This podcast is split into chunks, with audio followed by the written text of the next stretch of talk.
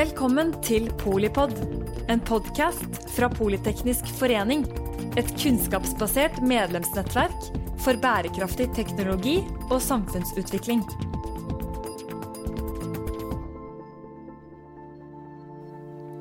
Velkommen til eh, Polipod, der vi spør eh, hvordan står det egentlig til med mangfoldet i norsk arbeidsliv. Velkommen, eh, Philip Skogstad. Du er hodejeger, partner i Skogstad Co. Stemmer. Tusen takk. Velkommen, Sumit Singh Patpatia, inkluderingssjef i Skipsted. Hei, takk. Og Janne Log, daglig leder i Samvirkene. Hei. Du er dagens programleder også, Janne. Hva Er det mest prat, eller går det fremover? Det skal vi få vite mer om i dag. Philip, dere har gjort en eh, spennende analyse om hvordan det går med skipssted og mangfold. Eh, kan ikke du dra oss litt gjennom funnene? Jo, det skal jeg gjerne gjøre. Det har vært en veldig interessant og gøy øvelse um, som vi har gjort i samråd med DOGA, Design- og arkitektursenteret. Um, hvor vi jobbet da med Skipsted på en case for å se hvordan det står til med mangfoldskompetanse og forståelse, spesielt knytta til rekrutteringsprosessen, da, som vi er veldig opptatt av. Um, vi skal dele noen av funnene her og nå, men noen av funnene må vi også holde litt tilbake igjen, så de må vi få lov til å dele litt senere, fordi vi er midt på oppløpet av, av dette caset. Um, det vi har sett på, det er tre deler, som vi kaller det. Det første, rekrutteringsprosessen i seg selv hvordan det står til med mangfoldsmodenhet. Um, og hvordan, punkt tre, strategisk bruk av mangfold i Skipsted.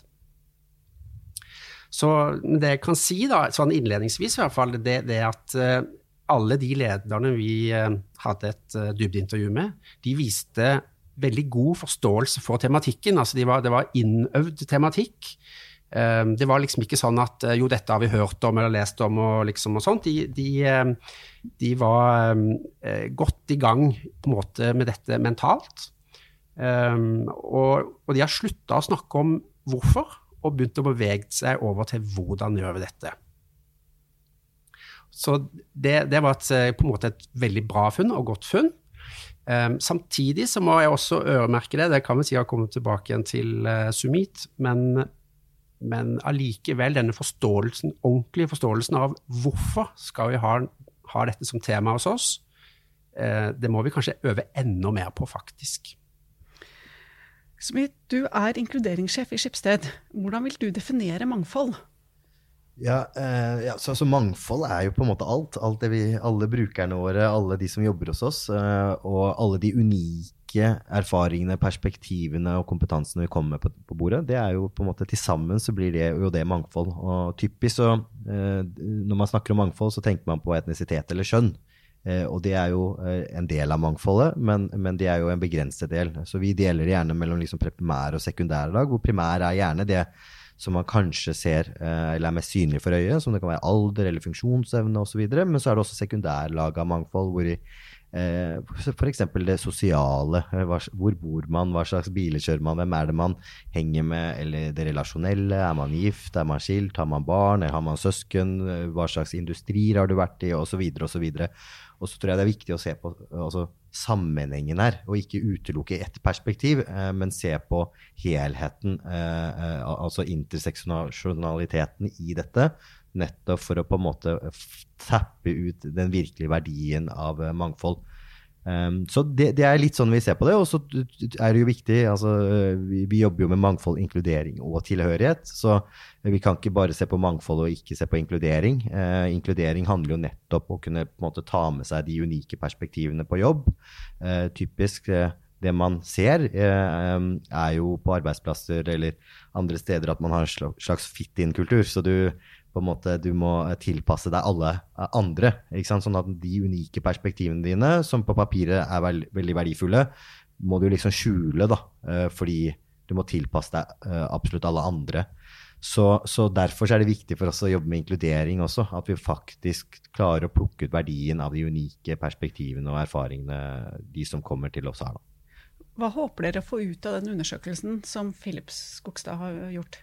Nei, altså Vår hypotese er jo at vi kan bli bedre. Altså Vi kan putte mangfold, inkluderings- og tilhørighets eh, på rekrutteringsprosessen. Og da for det første få de beste talentene, og ikke eh, typisk det man kan se, da, for å forenkle historien, er jo at måten vi gjør rekruttering på, gjør at vi får de beste kandidatene fra enkeltgrupper. Men om det er de beste fra alle grupper, det tror vi kanskje ikke stemmer, da. Så derfor at vi rigger prosessen, altså hvor, hvor utlyser man eh, disse stillingene? Teksten påvirker hvem som søker. Du har feminine og maskuline ord, det påvirker hvem som søker. Eh, selve prosessen og hva man ser etter, hvordan man stiller spørsmål, påvirker jo også hvem man tar videre. Um, uh, og så er det jo sånn at vi oftest uh, vi tenker jo liksom like barn leker best. Uh, det er jo noe vi tenker vi må gjøre noe om på, da. fordi vi vil ha mest mulig ulike perspektiv. Um, sånn at vi kan ikke sitte der og Jeg tror man bruker fire minutter på å bestemme seg da, om en kandidat skal gå videre eller ikke. Eh, og det er jo fordi vi ser etter kjemien og liksom personligheten og, eh, og sånt. Eh, det gjør at man kanskje glemmer de unike perspektivene og den annerledesheten som kan være verdiskapende for teamet eller for selskapet. Da.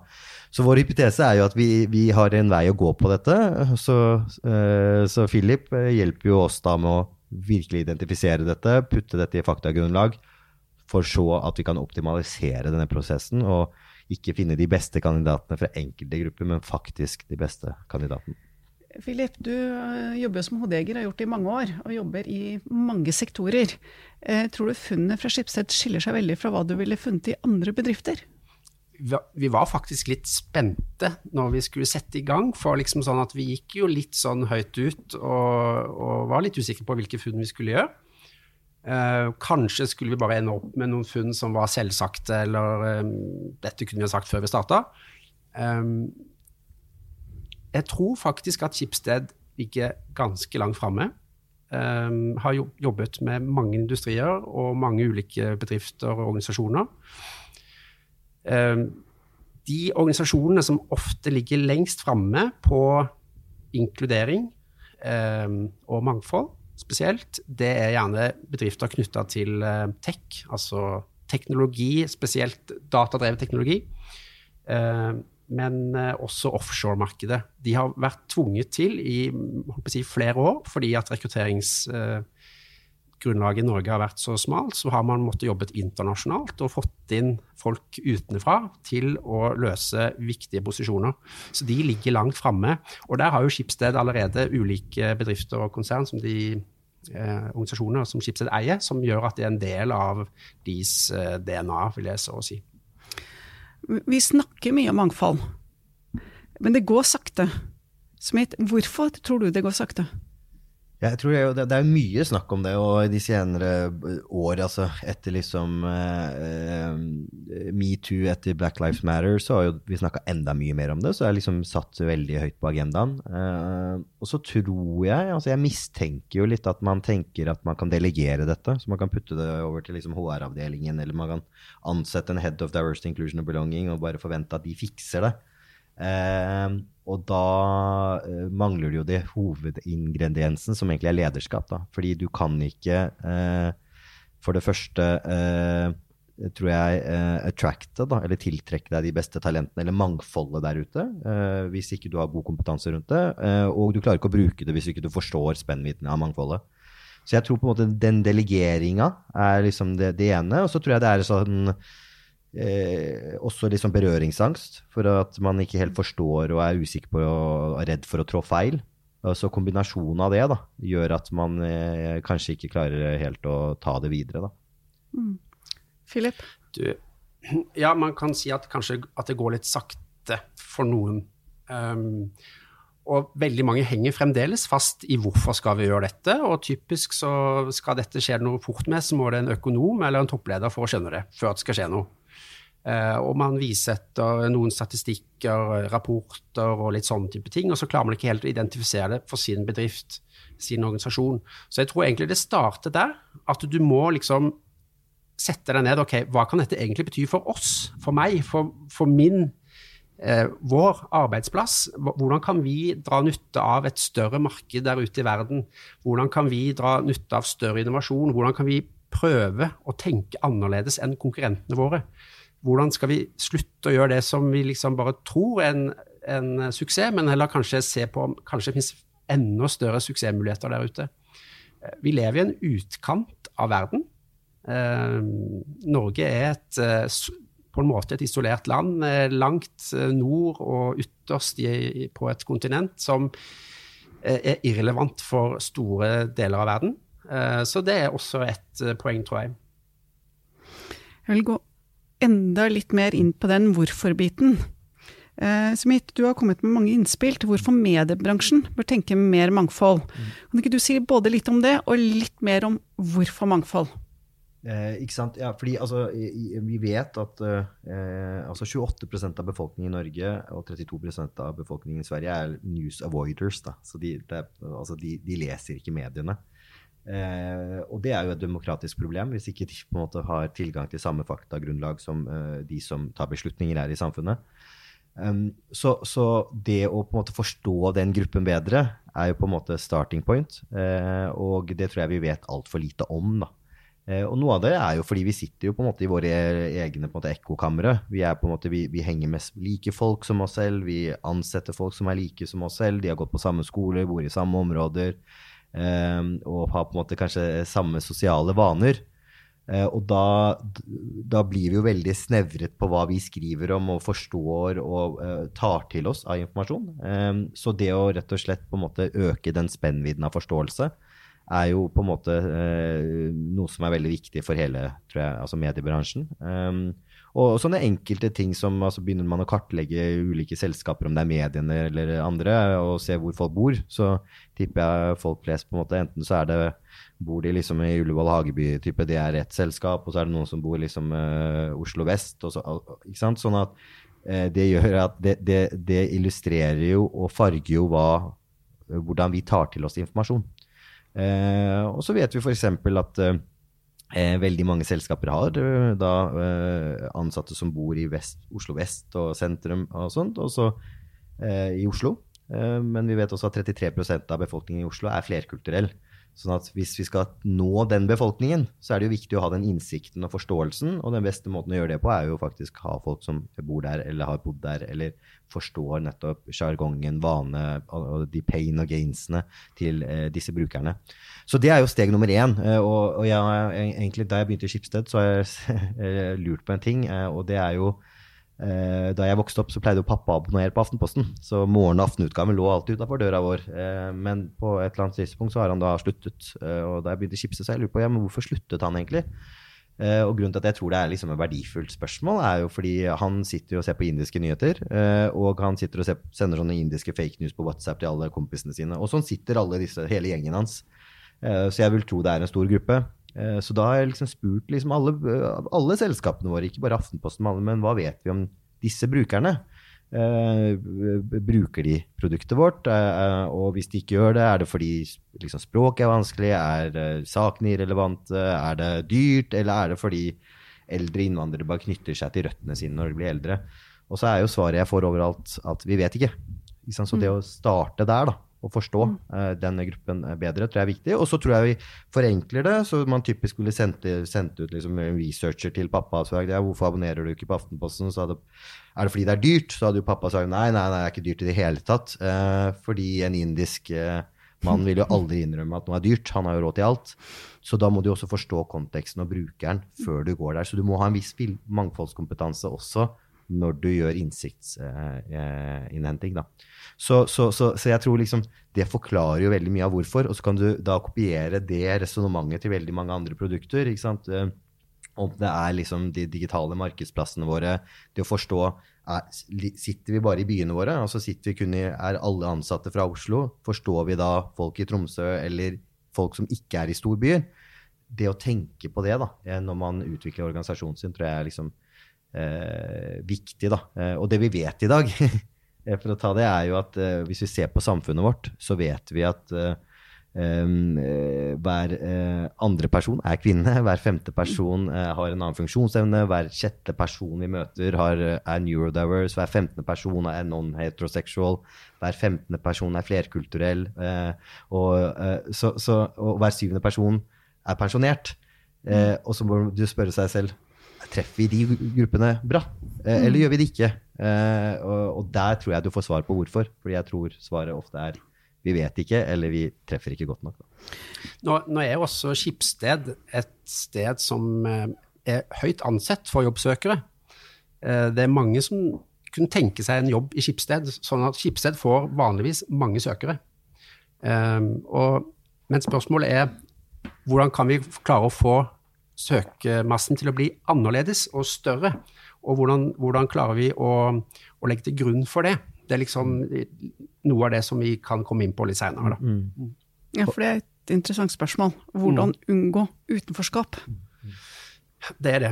Uh, å skape én ting, men, men, men, når du sier med relevans overfor avis, og, og liksom det å lage en avis som er kanskje irrelevant for noen, da, så jeg pleier å sammenligne det med det å skulle se på en sportssending. Nå er det jo fotball-VM som ruller. Det å skulle se på en fotballsending og ha en TV-kommentator som ikke kan fotball, da blir fotballsendingen irrelevant for de fleste.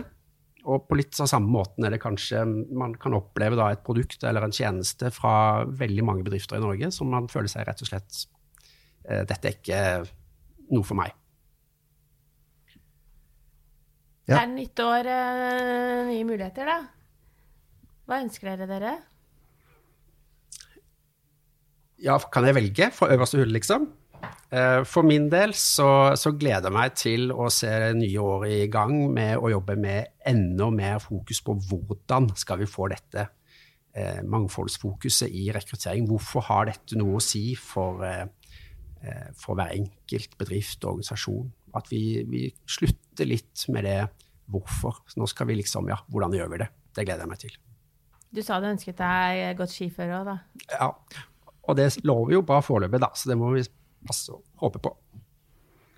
Ja, og jeg tror altså Det jeg ønsker meg, eh, det er lederskap. Eh, og det, det betyr nummer én at ledere tar dette alvorlig og tenker eh, selvfølgelig er det lønnsomt, men dette er det riktige å gjøre.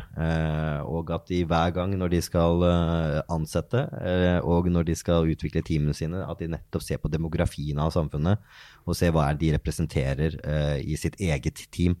Uh, og da kan vi ikke telle alt, men du kjenner ditt team. Uh, så hvis du hadde tatt det lederskapet og det ansvaret, så tror jeg ting hadde endra seg. Så hvis alle ledere hadde gjort det, så hadde det vært uh, Så tror jeg Norge hadde blitt mye mer produktivt, innovativt og et bedre sted å være. Ja, det er jeg helt enig i, Sumit.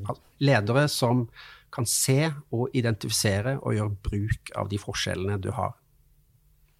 Er det deg det da, Janne? Ja, nei, men jeg er enig. Jeg håper 2023 blir det store mangfoldsåret. Altså, vi har ikke råd til å, å ikke få de beste hodene, og vi har ikke råd til utenforskapet. Sånn at eh, la oss krysse fingrene for at 2023 blir det store mangfoldsåret. Og så er det jo da sånn at uh, polyteknisk betyr jo mangfoldige teknologier. Så når dere snakker om innovasjon, så tenker jeg vår misjon for neste år er jo eh, å sterkt bidra til eh, bærekraftig teknologi og samfunnsutvikling. Og da har vi jo ikke en eneste, eh, et eneste menneske å miste i arbeidet for de virkelig store spørsmålene som, som vi sammen må løse. Så um, tusen takk til deg, Philip Skogstad, hodejeger, partner i Skogstad og Co. Til deg, Sumit Singh Patpatia, inkluderingssjef i Skipsted. Og til deg, Janne Log, daglig leder i eh, Samvirkene. Tusen takk for nå. Ja, tusen, tusen takk. Og så ikke minst tusen takk til deg som hører på Polipod når og hvor du vil. Nå vet du litt mer om hvorfor, og ikke minst hvordan mangfold på jobben er bra. På gjenhør.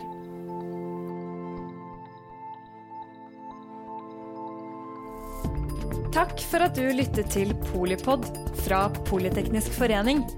Få med deg flere episoder, eller bli med på nettverksmøtene som du finner på at polyteknisk.